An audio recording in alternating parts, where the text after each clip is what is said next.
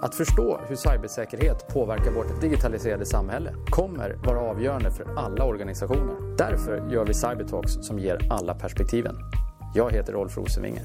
Välkommen!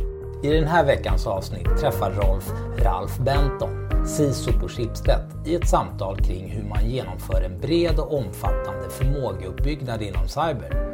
Bland annat diskuteras hur man får med ledning och styrelse, men också hur man förankrar sitt program ute i organisationen genom att bjuda väg. Hej och välkomna till ett nytt avsnitt av Cybertalks. Um, idag har vi med oss Ralf Benton, CISO på Schibsted. Välkommen! Tack så mycket Rolf! Du, det här ska bli kul. Vi känner varandra rätt väl eh, och har fått möjligheten att under eh, ett, ett, tag fundera kring lite olika saker tillsammans kring cyber och det ska vi prata om. Och man kan väl säga om man ska sammanfatta dagens tema så är det väl lite grann hur gör man cyber i en stor organisation och hur genomför man transformation eller uppbyggnad. Och det tänkte jag skulle vara spännande att prata med dig om. Ehm, men kanske först en liten intro till, till dig för lyssnarnas skull. Ehm, berätta kort om dig själv och din roll och, och, och, så vidare. Absolut. Ja, som sagt, Ralf Benton heter jag och eh, jag jobbar som CISO på Schibsted. Och Schibsted är för många, eh, även i Sverige, ganska okänt som varumärke. Men om jag säger varumärken som Block Blocket och Aftonbladet, Svenska Dagbladet, Lendo, Prisjakt med mera. Så, så känner man ofta igen dem. Så med andra ord, Schibsted är ju alltså då koncernen där, där du har de här varumärkena. Och eh, jag är då CISO för Schibsted eh, som finns då inte bara i Sverige utan även i, i Norge och i Finland och eh, sedan också snart Danmark. Och har varit CISO där sedan eh, sommaren 2019, så ungefär ett och ett halvt år.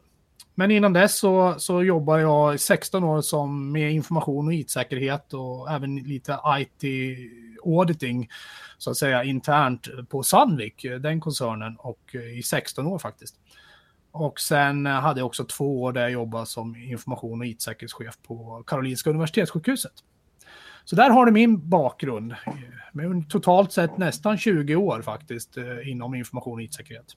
Och jag brukar alltid passa på att fråga också gästen då lite alltså att eftersom jag inser att svaret faktiskt är ganska olika. Men var kom ditt intresse ifrån? Vad var det som gjorde att, att du så att säga kom in på den här banan och, och började jobba med, med säkerhet? Ja, det är som det där berömda bananskalet som brukar folk prata om lite grann kanske. Jag jobbar ju då med, jag är lärare i botten och jag jobbar med IT-utbildning och eh, hamnade på Sandvik just med, med back-office support eh, och utbildning inom eh, IT. Och eh, delade då faktiskt korridor med IT-säkerhetsavdelningen. Nu pratar vi långt tillbaka 2002 här och eh, lärde känna det här teamet eh, ganska väl och eh, vi pratade mycket om awareness och eh, att få folk för, att förstå det här med säkerhet. Och det tyckte jag kändes eh, inte så långt ifrån det jag själv då var, höll på med, det vill säga utbilda folk. Så det var faktiskt den vägen in eh, till it-säkerhet och sedermera då informationssäkerhet och, och cybersecurity. Och nu när du berättar det så slår det mig också, det var faktiskt en, som en liten polett som trillade ner här, att, eh, för jag tror att när jag tänker på dig eh, så, så just det här att faktiskt få folk att förstå inte bara så här, gör det här, utan förstå varför. Eh, och, och, både liksom i teamen men också när, i ledningsdiskussioner och så vidare. Det är nog en ganska, ganska tydlig liksom, vad ska jag säga, bärande idé hos dig, tänker jag nu. Stämmer det? Ja, men det stämmer. Det stämmer nog att eh, jag brukar väldigt tydligt vara väldigt tydlig med att eh, jag är inte T i IT. eh, någon nämnvärt, även om eh, familj etc. skulle säkert tycka det. Men jag är nog fokuserad mer på I och det har jag sagt från början. Så informationssäkerheten har varit min, mitt gebit. Eh, men det finns ju ett intresse för tekniken, eh, men jag, det, det, jag tror ändå att det är där jag har haft min styrka. Och som du är inne på, att kunna kommunicera både med tekniker eh, och med, med ledning.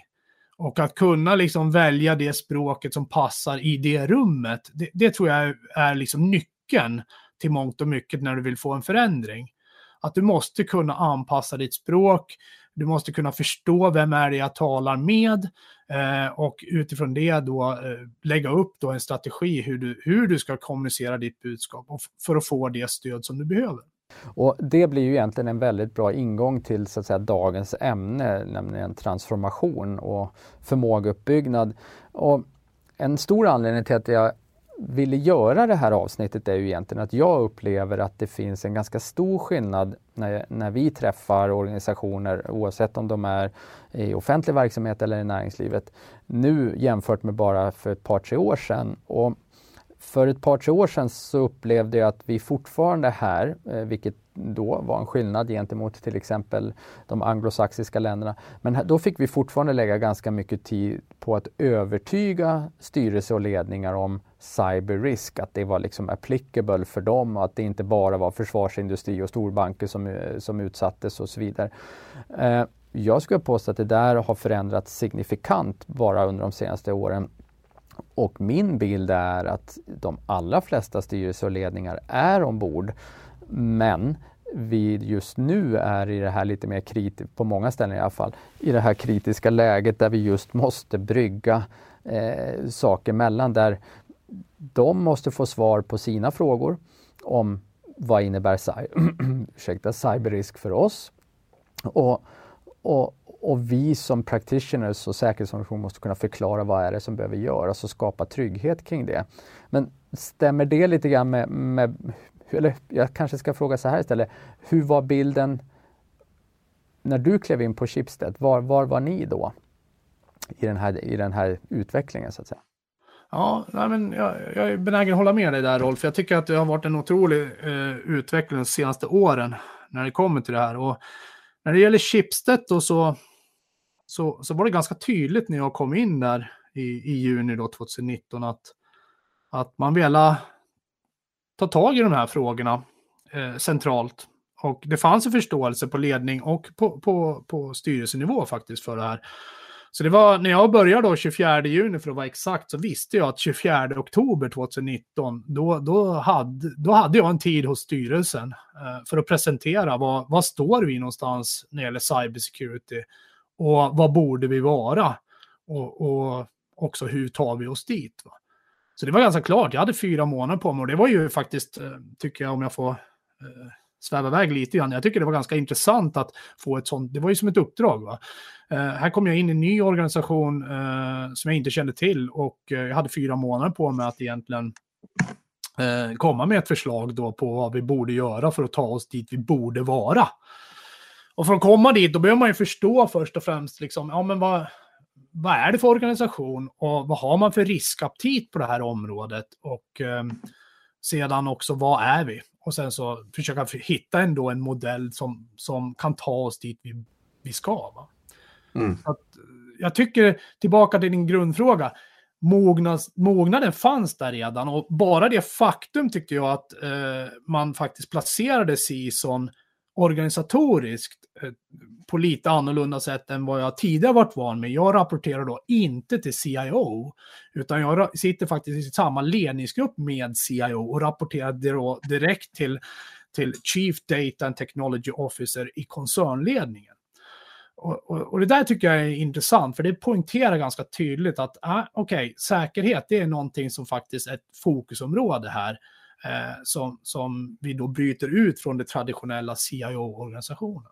Nej, men, och jag tycker det är spännande, flera av de sakerna som du tar upp och just det där också, att jag upplever nog att, att, eh, men att eh, ja, men du och jag har ju haft möjlighet att diskutera eh, några gånger att, att det fanns liksom en, en väldigt tydlig eh, vilja att göra någonting och det är ju ganska spännande att få komma in också tänker jag, att, och få ett så tydligt uppdrag. Om fyra månader så ska du leverera det här. Men så hur, hur, ehm, hur gick du tillväga för att kunna leverera på det? Och, och sen måste jag ju också få, hur gick det? Den, där, där, där i oktober. Ja, nej men alltså det gick jättebra. Om vi börjar i, i, i slutet av frågan. Det gick jättebra tycker jag. Eh, idag så kör vi ett cybersecurity-program, ett globalt ett med, med sponsring av koncernledning och styrelsen. Eh, och som vi följer upp på regelbunden basis eh, på koncernnivå. Eh, men, men vad jag gjorde då var ju att eh, vi, vi, vi tog hjälp, eh, extern hjälp, eh, för att, för att liksom hitta en modell där vi snabbt kunde eh, analysera var vi står och vad vi borde vara. Och eh, vi valde då att eh, använda av ett ramverk, ett externt ramverk. Och vi har ju valt då NIST, Cyber Security Framework. Som eh, jag tycker det är viktigt, jag, det är därför jag poängterar, jag tycker det är viktigt att när man gör ett sånt här arbete, att man faktiskt väljer ett ramverk och tänker efter vilket ramverk vill jag använda?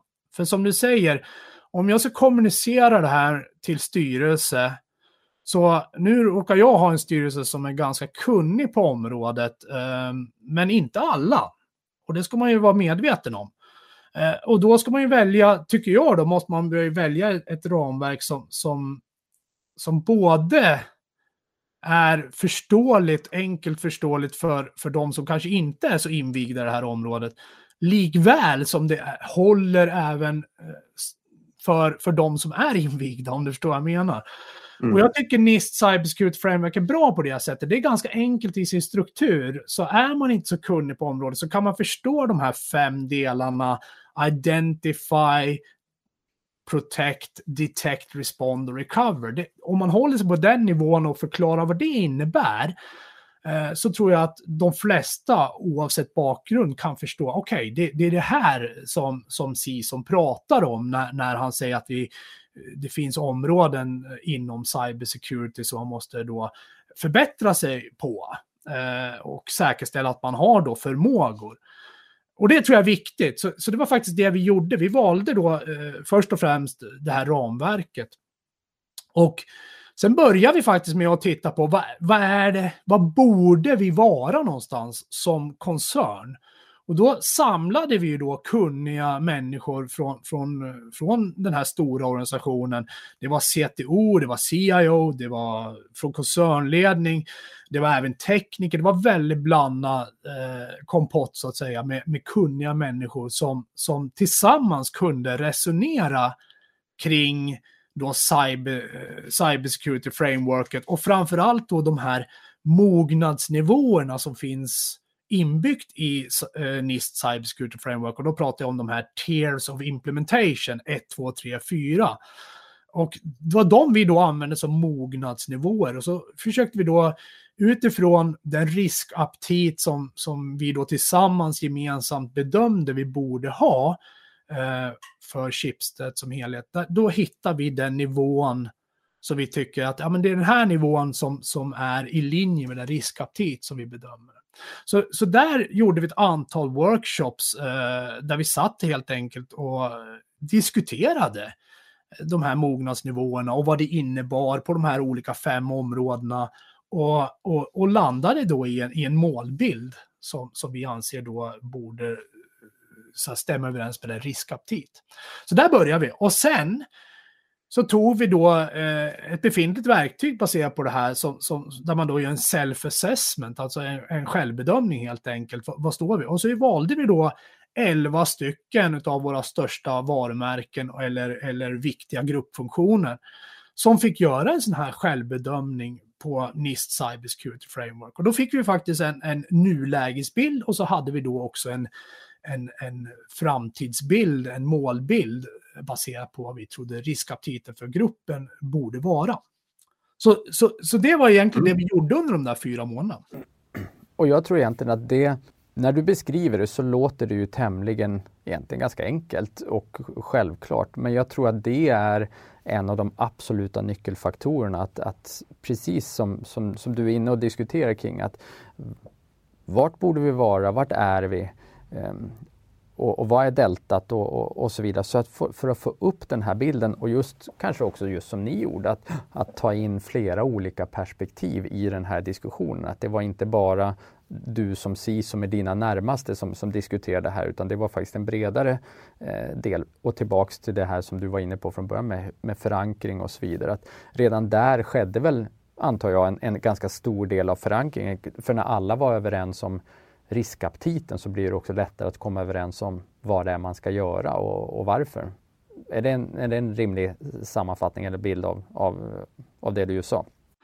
Abs absolut, så är det ju. Jag, ty jag tycker det är viktigt då att påpeka att eh, det är klart att vi förankrade vår riskaptit så att säga, med, med de som var med i workshopen, men, men det var ju också hela tiden att man, man stämde av uppåt i organisationen att ja, men det här eh, är det ungefär vad vi har kommit fram till. Så det var ju när vi väl kom upp till styrelsenivån då den 24 oktober så var det ju liksom ingen överraskning vad vi hade satt upp för preliminär målbild på det här. Så att det var ju förankrat i flera led. Så när man väl kom dit så kändes det som att ja, men vi har landat i en, i en bra riskaptitnivå.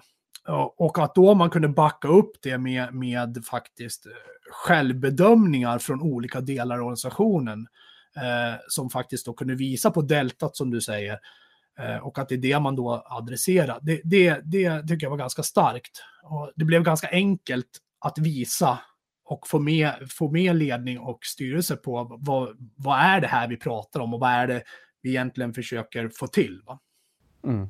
Och um när, när du nu sen började så att säga rulla upp den här, det här förslaget till först ledningen och sen styrelsen, vad, vad möttes du av då? Re, alltså reagerade de olika, ställde de olika eller ställde de samma frågor? Och, eh, vem var så att säga svårast att övertyga eller var de, var de bara liksom on board direkt? Vad, vad var learnings där? Ja, jag hade faktiskt inte så mycket utmaningar. Um och jag måste säga, jag har en väldigt, väldigt eh, kunnig på, kanske inte på området, men, men förståelse, en hög förståelse hos en CFO eh, i Schibsted som, som gång på gång under den här perioden har, har påpekat eh, vikten faktiskt av att, att våga investera i det här området. Eh, för det har jag historiskt sett kanske känt lite utmaningar att ja, okej, okay, vi förstår att det är viktigt det här, men hur mycket kostar det? Och så vidare. Det, det är ofta en sån där direkt fråga som kommer i, i andra andemeningen, så att säga, andra, andra delen av meningen. Men eh, så det egentligen var det jag hade förväntat mig, att, att få lite mer så att säga, utmaning på, på kostnadssidan. Därmed inte sagt att, att, att det har varit liksom eh, fri, fri, frikort för vad det här får kosta, utan tvärtom. Vi ägnade mycket tid att, att verkligen försöka landa i både vad, vad det hur lång tid kommer det här att ta för att göra de här åtgärderna och hur mycket bedömer vi att det här kommer att kosta?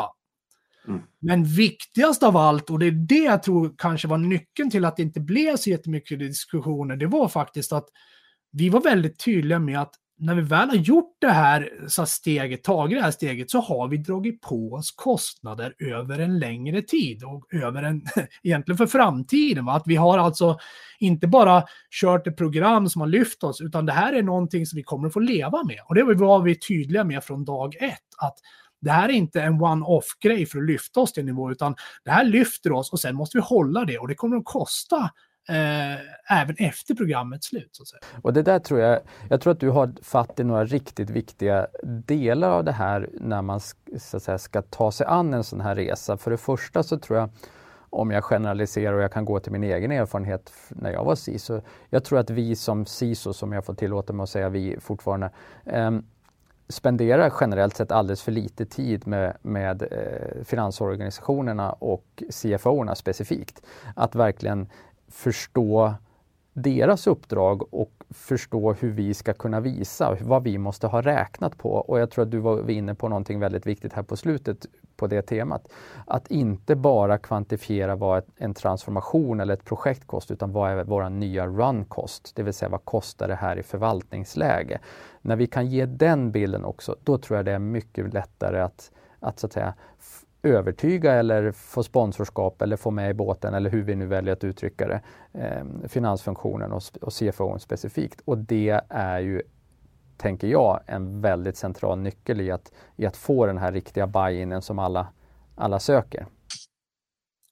Absolut, absolut. Eh, det, det är ju ganska, ja, jag måste säga, jag tycker att det är E-, egentligen avgörande att man faktiskt är väldigt transparent i, i just den delen. Att, att de förstår att det här är en ramp-up.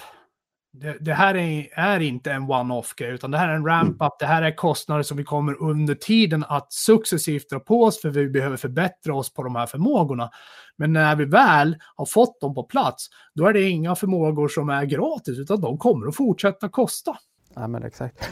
Och här, jag tror faktiskt också att det är en av nycklarna att, att just föra den diskussionen och sen för att lyckas med den tänker jag så vi, vi har träffat ehm, eller jag träffar ganska många styrelser och ledningar och CFO för den delen. Och just den där diskussionen också, att säga, men vad, vad blir affärsvärdet? Här tror jag att vi som security practitioners på många ställen har ganska mycket jobb att göra om vi vill lyckas skapa de här förutsättningarna för transformation. Att, att verkligen förklara affärsvärdet, att koppla det till det, att så här många fler affärer tror vi vi kan vinna eller så här mycket bättre kommer vi att lyckas eh, i, i, andra sammanhang eller, och, och så vidare. Jag tror faktiskt att det, det, är jätteviktigt. Jag tror nämligen att om man går upp och begär pengar för att till exempel eh, bli redo för en ISO-standard eller eh, så vidare. Och inget ont om ISO i övrigt. Men, men så tror jag att där är risken stor att man bara ses som en kostnadspost. Men om man faktiskt lyckas föra diskussioner och säga, och jag kan tänka mig, utan att veta i detalj här då, men för en så tekniktung koncern som Schibsted, om du har kunnat föra en sån diskussion och säga att vi gör det här för att faktiskt kunna i förlängningen säkra upp tid på aftonbladet.se eller vad det nu må vara för exempel man väljer att använda, så blir det en helt annan känsla för vad det är man vill göra. Absolut. Sen, eh, bara för att vara ärlighetens namn här, så hade jag ju, ska man säga, tur. att eh, mellan att jag var uppe till ledningen i oktober och styrelsen några, någon vecka senare så var det då en, en defacing-attack på en av våra konkurrenter i Norge ledningen sitter i Norge ska jag lägga till. Mm. Så att när det väl kom till styrelsen så visste ju alla om att en av konkurrenterna hade precis blivit defacad. Alltså man, en, en hacker hade varit inne och ändrat då artiklar på, på deras news-sajt. Eh, så att det, jag behövde inte ägna mycket tid om att köra skrämselpropaganda, om jag får använda det uttrycket. För mm. det, det, hör jag ofta att man ska upp och berätta om alla exempel. För det visste de redan och sen hade de det väldigt färskt redan i, eh, en konkurrent hade drabbats. Då. Mm. Så, att, så att jag tror att jag kunde fokusera mer på det du säger, det vill säga vad är, det, vad är vi? Vad borde vi vara? Hur tar vi oss dit? Och vad kommer det att kosta? Och vad kommer det att kosta oss när vi väl, väl har, har tagit det här eh, steget? Yes. Och då blev det mer en, en, en, en businessdialog, mer än en, en säkerhetsskrämsel propagandadiskussion om man får säga så. Ja, men jag, det är bra och jag tror, och det har du och jag pratat om också eh, tidigare, att just hur viktigt det är att, så att säga, förflytta sig bort från just den taktiken. Ehm, just i och med att jag upplever, som jag sa tidigare, att styrelse och ledning, de, de förstår. De, de behöver inte fler eh, threat briefs. De, de förstår på olika nivåer och på olika sätt men, men i grund och botten så förstår de att det finns en risk för affären eller organisationen eh, här. De tror jag är oftare mer intresserade av att veta så vad gör vi? Vad, vad, är, vad är good practice? Hur, hur ska vi göra? Vad kostar det? Vad kostar det när vi är klara? Och så vidare. Alla de saker som du, har, som du beskrev här. Men jag är också nyfiken på när ni sen hade fått det här liksom rambeslutet, hur gick du tillväga sen eh, för att få med dig övriga organisationen? Ni är ju ganska decentraliserade, du pratade om, om varumärkena initialt här, att det, det, det, är ju ganska starka varumärken så det är ju ganska många, tänker jag, som behöver kliva ombord på den här resan. Hur, hur gjorde ni det? Absolut, eh, chips det där är ju 40 plus eller kanske närmare 50 eh, varumärken, som jag sa, både i Sverige, Norge och Finland.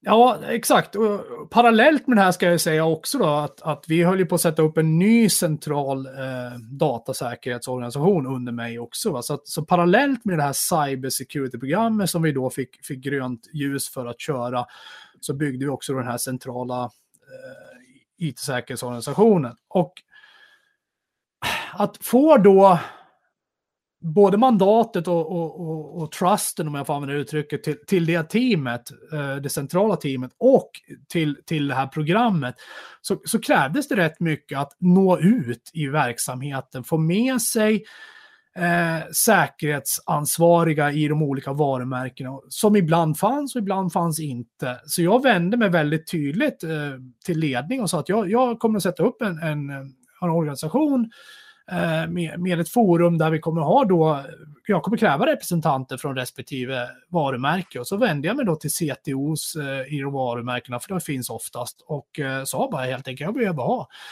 och det blev liksom navet till hela det här cybersecurity-programmet och i dagsläget är de faktiskt eh, steering operating group eh, för, för ehm, en committee ska jag säga, för, för, för cybersecurity-programmet. Eh, och det har varit eh, det viktigaste. Och under resan här ju, har vi då börjat rulla ut olika förmågor eh, som vi har då byggt upp under året.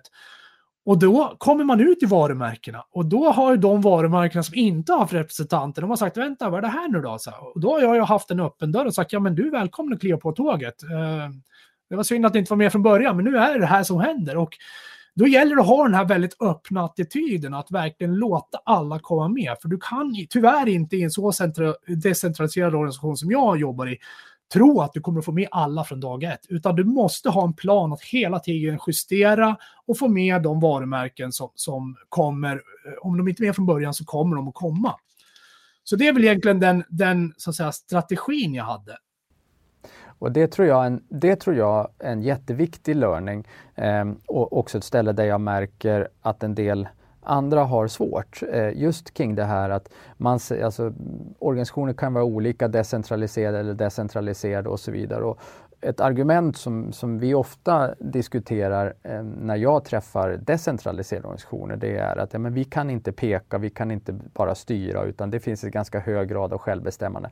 Därför att det är också bra för affären och jag ställer upp 100% på det. Och då tror jag det är viktigt, precis som du är inne på, att då måste man också göra sådana här förmågeuppbyggnad på ett lite annat sätt. Och det handlar mer om att bjuda väg än att peka med hela handen. Det handlar också, som du var inne på, tror jag, jätteviktigt att inte bara så att säga, vänta med att börja gå tills alla är i båten utan när man har de viktigaste spelarna i båten så börjar man gå och sen kommer det goda exemplet göra att fler faktiskt vill hoppa ner i båten och vara med för man ser att det händer bra grejer. Var det ungefär så det blev för er också? Absolut, och inte, inte bara det utan de, de fick ju, vi bjöd ju verkligen in dem till olika aktiviteter när vi skulle utvärdera till exempel en produkt. Va? Så, så, tog vi in de här produkterna, kan vi enas om dem? Ja, och så valde vi ut olika delar av organisationen som fick testa den här produkten tillsammans med mitt team. Och på så sätt så, så blev det pocka lite här och var och så kunde de tillsammans sätta sig ner och börja argumentera för de här olika. Eh, och det blev väldigt bra engagemang. Så när vi väl bestämde oss för, för den typen av lösning då för den här förmågan så var det i princip förankrat redan med allihopa. Även de som inte valde den produkten, för de hade ju varit med och testat kanske en annan produkt då eller någonting sånt. Så det var, det var liksom väldigt, väldigt eh, bra att ha, precis som du säger, att börj, vi måste bör, våga börja gå.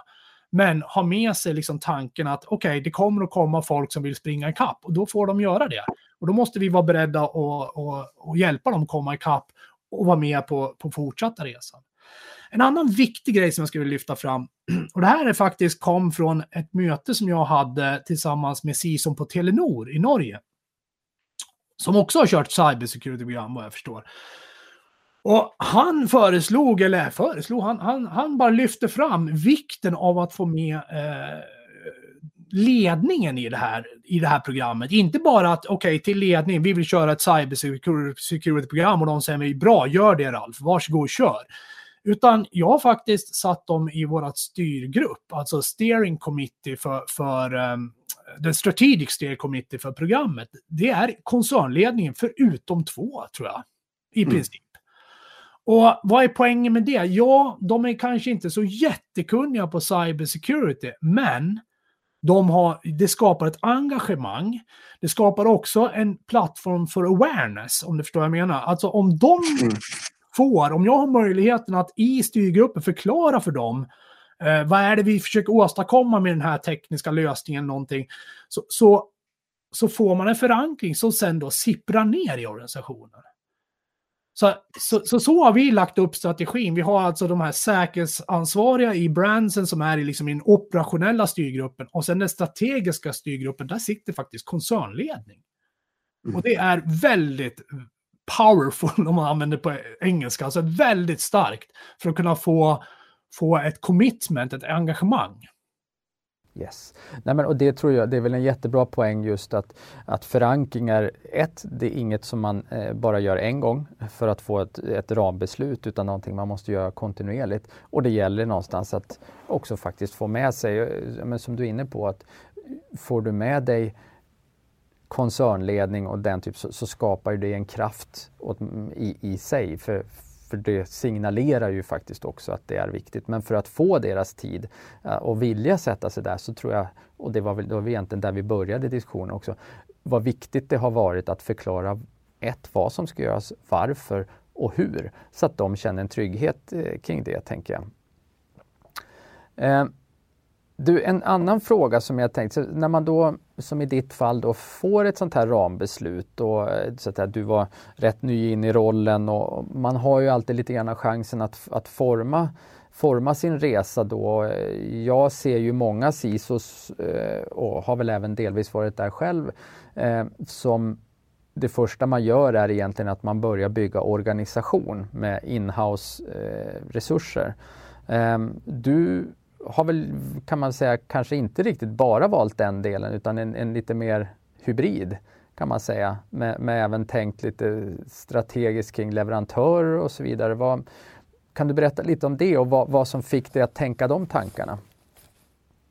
Ja, det är, det är många, många saker som fick mig att tänka de tankarna, men, men eh, precis som du säger, jag var ganska tydlig från början att jag hade ingen ambition att bygga ett jättestort säkerhetsteam för Schibsted. Eh, därför jag tror, inte, jag tror inte att det passar Schibsted. Det kan passa andra organisationer, men jag tror inte det passar Schibsted. Eftersom, som du varit inne på, eller vi har varit inne på här, det är så pass decentraliserat, det är väldigt starka varumärken. Så det handlar om att för att bygga en trust mot varumärkena så, så, måste, så hade jag helt enkelt väldigt tydligt budskap att min strategi är att vi ska ha ett starkt centralt team som ni ska känna en, en, en, ja, att ni litar på att det finns den kompetens som behövs. Ni ska kunna vända er till oss för att få den hjälp ni behöver.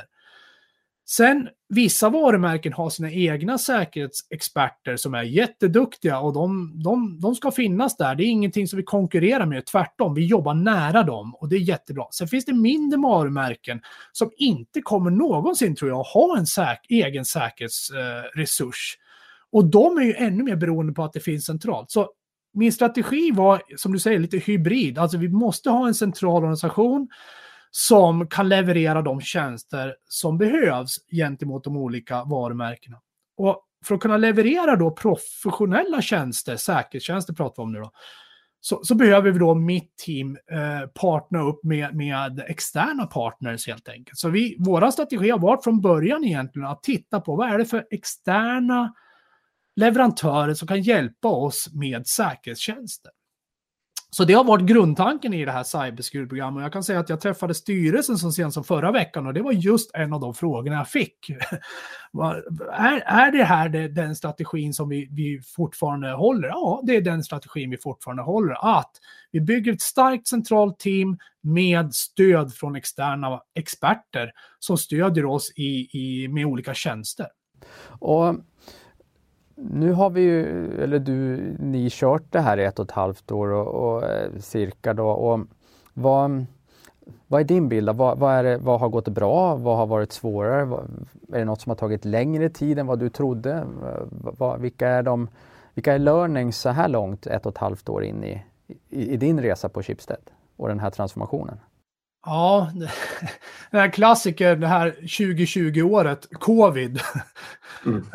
Det kan man liksom inte ha en intervju om utan att komma in på. Nej, men alltså covid har ju haft en impact. Eh, det var ingen av oss som förespådde något sånt, men, men det påverkade ju verksamheten och det självklart var det också påverkar ett sånt här stort program. Då. Eh, så vi var ju tvungna att, att eh, försöka ta, ta, ta in den här covid-impacten och, och försöka anpassa programmet. Så så här efteråt att ja, man kanske skulle ha ägnat lite mer tid för att kunna titta på vad är det som faktiskt kan, kan eh, påverka ett program, ett sånt här långt program. För vi har ju då ett flerårigt program ska jag säga. Där du precis mycket riktigt säger, vi är ett år ska jag säga in i det här. Sen programmet startar, vi startar i början av januari, januari här då 2020.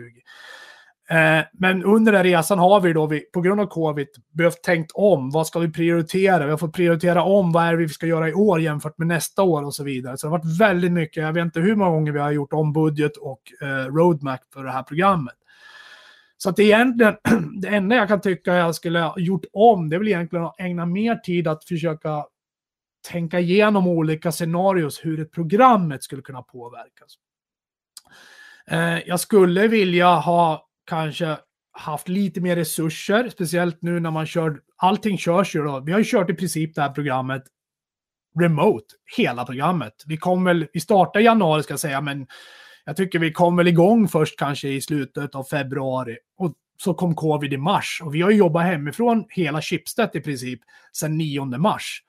Och eh, så egentligen i princip hela programmet har ju rullats remote och det har ju faktiskt funkat bra, men hade man vetat att det skulle vara så här, då hade man nog funderat lite grann på att eh, eh, anpassa programmets plan och resurser efter att jobba remote. För det, det krävs mer möten, eh, mer avstämningar och sånt när man sitter remote, tycker jag. Ja, men, eh, tror jag är en bra observation. Och, eh, men så hur hur fortsätter resan nu? Och en viktig dimension av, eh, tänker jag också, av transformation, det är ju också och du har varit inne på det lite grann till, men hur kommer man in i förvaltningsläge sen? Ehm, så att programmet lämnar över någonting som är förvaltningsbart och, och som håller över tid. Och hur, hur har ni planerat och resonerat inför den utmaningen? Det här är också otroligt viktig del. Redan från början så, så jag har jobbat väldigt, väldigt nära CIO Garrett Eason då, som, som är CIO på Schibsted. Och han är ju en övertygad säkerhetsmänniska han också. Så att vi var ju väldigt tydliga för början att, att säkerhetsteamet, om det inte ska bli för stort, då måste ju respektive it-tjänstägare ta mer ansvar än tidigare. Jag skulle inte säga att de inte haft det förut, men det har de och tagit. Men det behöver ta mer det. Så grundtanken är ju med det här programmet att de eh, förmågor vi sätter upp, de ska ju då eh, lämnas över till linjeorganisationen, det vill säga CIOs organisation i form av tjänsteägare. Och det är ett väldigt, väldigt viktigt statement och även om vi har haft den dialogen och haft en övertygelse från början så märker jag nu när vi börjar leverera in då eh, nya tjänster eller påverkan av tjänster ifrån, från det här cybersecurity-programmet så är det ju inte helt självklart att man har tagit höjd för vad det här innebär eh, på linjeresurser etc. Så att eh, där skulle jag också nog tänka att där behöver man nog verkligen jobba ännu mer med förankring, inte bara nöjas med att ja, men vi är överens, det här blir jättebra, eh, utan faktiskt förankra hela vägen ner in i tjänsterna. Att det kommer att komma. Här är våran roadmap. Eh, vi tror att de, de tjänster som ni måste så att säga eller de säkerhetsdelar som ska in i era tjänster, det kommer att komma ungefär här och här och här. Kom ihåg det när ni sen då planerar resurser etc. Mm. Och jag tror att det här är en jätteviktig punkt och det är som du säger också någonting som man förmodligen alltid kommer känna att man hade velat planera för ännu mer. Men eh, jag tror ändå som du är inne på också att det är, viktigt, är otroligt viktigt att lägga tid på och vi ser ju ofta det också att eh, det är, så att säga, det är ju lätt inom citationstecken att planera för ramp-up av ett program och sen så kommer man in i någon slags liksom, eh, steady state när programmet, eh, transformationsprogram springer med, med att utveckla nya tjänster eller förmågor. Men just att faktiskt också från början tänka så hur ska det här funka sen? Eh, och framförallt som det innebär att, att bara en sån sak som resursplanering och ge de mottagarna möjligheten till resursplanering och budgetplanering och så vidare i tid. Det är faktiskt ganska svårt. Håller du med om det? Absolut, jag håller med. Och här, här är jag dålig själv. Om jag får, får bara erkänna lite grann. Och som du var inne på, det är här man ska ta hjälp av finansmänniskorna och hela tiden ha med dem i dialogen, för de kommer att hjälpa dig. Jag har, jag har duktiga finansmänniskor som påminner mig hela tiden. Har du förankrat den här investeringen? Har du förankrat det här? Finns det med i forecast och budget och så vidare och så vidare? Och hela tiden får de på, påminnelserna. Ibland blir man ju lite trött och säger ja, ja, vi har ju tagit det här beslutet, vi ska göra det här. Men, men det är bra att de är på en. Om de lyssnade så, så hoppas jag de förstår det. Det är verkligen viktigt att, att man hela tiden har en dialog med de här, för de hjälper en om man, om man lyssnar på dem. Va? Eh, att förankra saker och ting. Så att allting finns där så att inte någon kommer efteråt och säger ja men det här borde du ha förankrat där och så vidare. Men absolut, jag har, har jag, jag kan förbättra mig på det här området. Jag vill gärna framåt. Ja, ja. Nej, men jag tror att det är väl ett område som, som jag tror vi alla eh, Alltså det, det, är helt enkelt ganska svårt. Eh, men jag tror att du, jag tror nämligen också att du har varit inne på några otroligt viktiga saker i så att säga, vad krävs för att lyckas med en transformation? Och det, det, är också därför jag tycker att det är spännande att, att, att ta upp dig och ert exempel därför att ni har gjort väldigt många av de sakerna som jag tror är nödvändiga och förutsättningar. Ni har en, haft en tydlig dialog med styrelseledning som vi varit inne på. Ni har förankrat ut i den decentraliserade organisationen. Ni har bjudit dem ombord. Ni har haft en tydlig idé om hur ni vill exekvera med liksom in-house versus eh, sourcade eh, kompetenser och så vidare. Och jag blir ju någonstans också glad bara när man pratar om interaktionen med, eh, med finans på det sätt som du gör. Att ni, ni, ni har ju verkligen jobbat som ett team och där ni stöttar varandra istället för att, att hamna på varsin sida av, av, av ett nät och kasta, kasta handgranater på varandra. Så, så upplever jag att ni har, har, har jobbat väldigt mycket mer som ett, ett team och det tror jag har varit oerhört viktigt. Ehm, men, men så vad, kan man sammanfatta utöver det några, några viktiga learnings som du tycker? Tiden går ju fort här så att vi ska avrunda strax. Men vad, vad vill du skicka med till, till de som står och kanske ska påbörja ett sånt här eh, program eller skapa förutsättningar för det? Alltså jag, jag brukar säga så här att, eh, och jag var inne på det när det gäller det här CYBER-NIST, Cyber eh, Security Framework. Alltså keep it simple brukar brukar jag alltid tänka på. Försöka hitta enkla vägar att förklara eh, saker och ting. Eh, att bygga upp modellen etc. Och jag vet att det, det, är lätt att säga men det är svårt att göra. Men försök verkligen att keep it simple. Det blir mycket lättare då i slutändan. Och som du är inne på, se till att, att bjuda in folk. Folk vill vara med, folk vill vara engagerade. Eh, och så att bjud in alla och var beredd på att alla kommer inte vara med från dag ett. Men se till att det liksom alltid finns en dörr öppen för dem att komma med. Och när de väl knackar på den dörren, bjud in dem och hjälp dem att komma ikapp de andra så att de inte känner att de alltid är ett steg efter. Det tror jag är väldigt, väldigt viktigt. Sen tycker jag också att man ska inte vara rädd för att bli kallad till styrelsen och få rapportera om det här. Tvärtom, kräv det. Kräv att nu har jag fått det här förtroendet av er eh, att göra det här. Och då vill jag faktiskt komma till er och rapportera av det här regelbundet. För då skaffar man det här, eh, då får man det här eh, engagemanget och eh, eh, av styrelse och ledning så, som man faktiskt då kan använda sig av för att verkligen fortsätta ha det här momentum som man då förhoppningsvis fick då i samband med, med att man startar programmet. Så det är egentligen, håll det enkelt, se till att du inkluderar eh, så, de som behöver vara med och, och, att de känner sig inkluderade. Och sen att, att eh, man hela tiden rapporterar av så att du hela tiden håller det här engagemanget i, vid liv och att du har ett momentum. Mm. Ja, bra. Du, som avslutning på varje avsnitt så brukar vi också be gästen att tipsa om en bok, en podd eller en film eller någonting som man tycker har informerat eller inspirerat. Och jag är såklart nyfiken på vad du har med dig idag också. Ja, alltså jag, jag, jag, jag blev eh, utav en av mina kollegor i teamet så fick jag höra om den här Darknet Diaries podcasten som du känner, säkert känner till. Mm. Den eh, har rullat hett under våren när jag var ute och promenerade efter jobbet eh, och gick igenom allihopa. Och för mig då som har jobbat med det här som många andra i, 18 år nästan så har jag ju varit med om många av de här eh, incidenterna som tas upp. Och det jag gillar med det, det är att, och det som jag tycker är inspirerat, det är att det, det, det, det är så pass bred. Det tar ju allt upp från hacking till, till till social engineering och, och så vidare. Och allt från hackgrupper till, till nation state och så vidare men också det att det inte är någon slags historisk ordning utan att det hämtas saker och ting men ändå så knyter man ihop det så snyggt att om du lyssnar på den här episoden så finns det en annan episod där som, som hänger ihop och så vidare. Så att, ja, jag gillar den faktiskt, det kan jag rekommendera. Det, det, är en inspirationskälla för mig. Jag har några stycken som jag missat nu den senaste tiden men, men eh, de kommer jag lyssna på definitivt under julen. Snyggt, bra tips. Um, och med det så tror jag att vi ska avrunda Ralf Benton från Schibsted. Det har varit superkul att ha dig med här. Tack för att du tog dig tid. Tack så mycket, jättekul att vara här. Och eh, till alla lyssnare, until next time. Podden är ett samarbete mellan Cyber Insights och Orange Cyber Defense och spelas in och klipps på Media.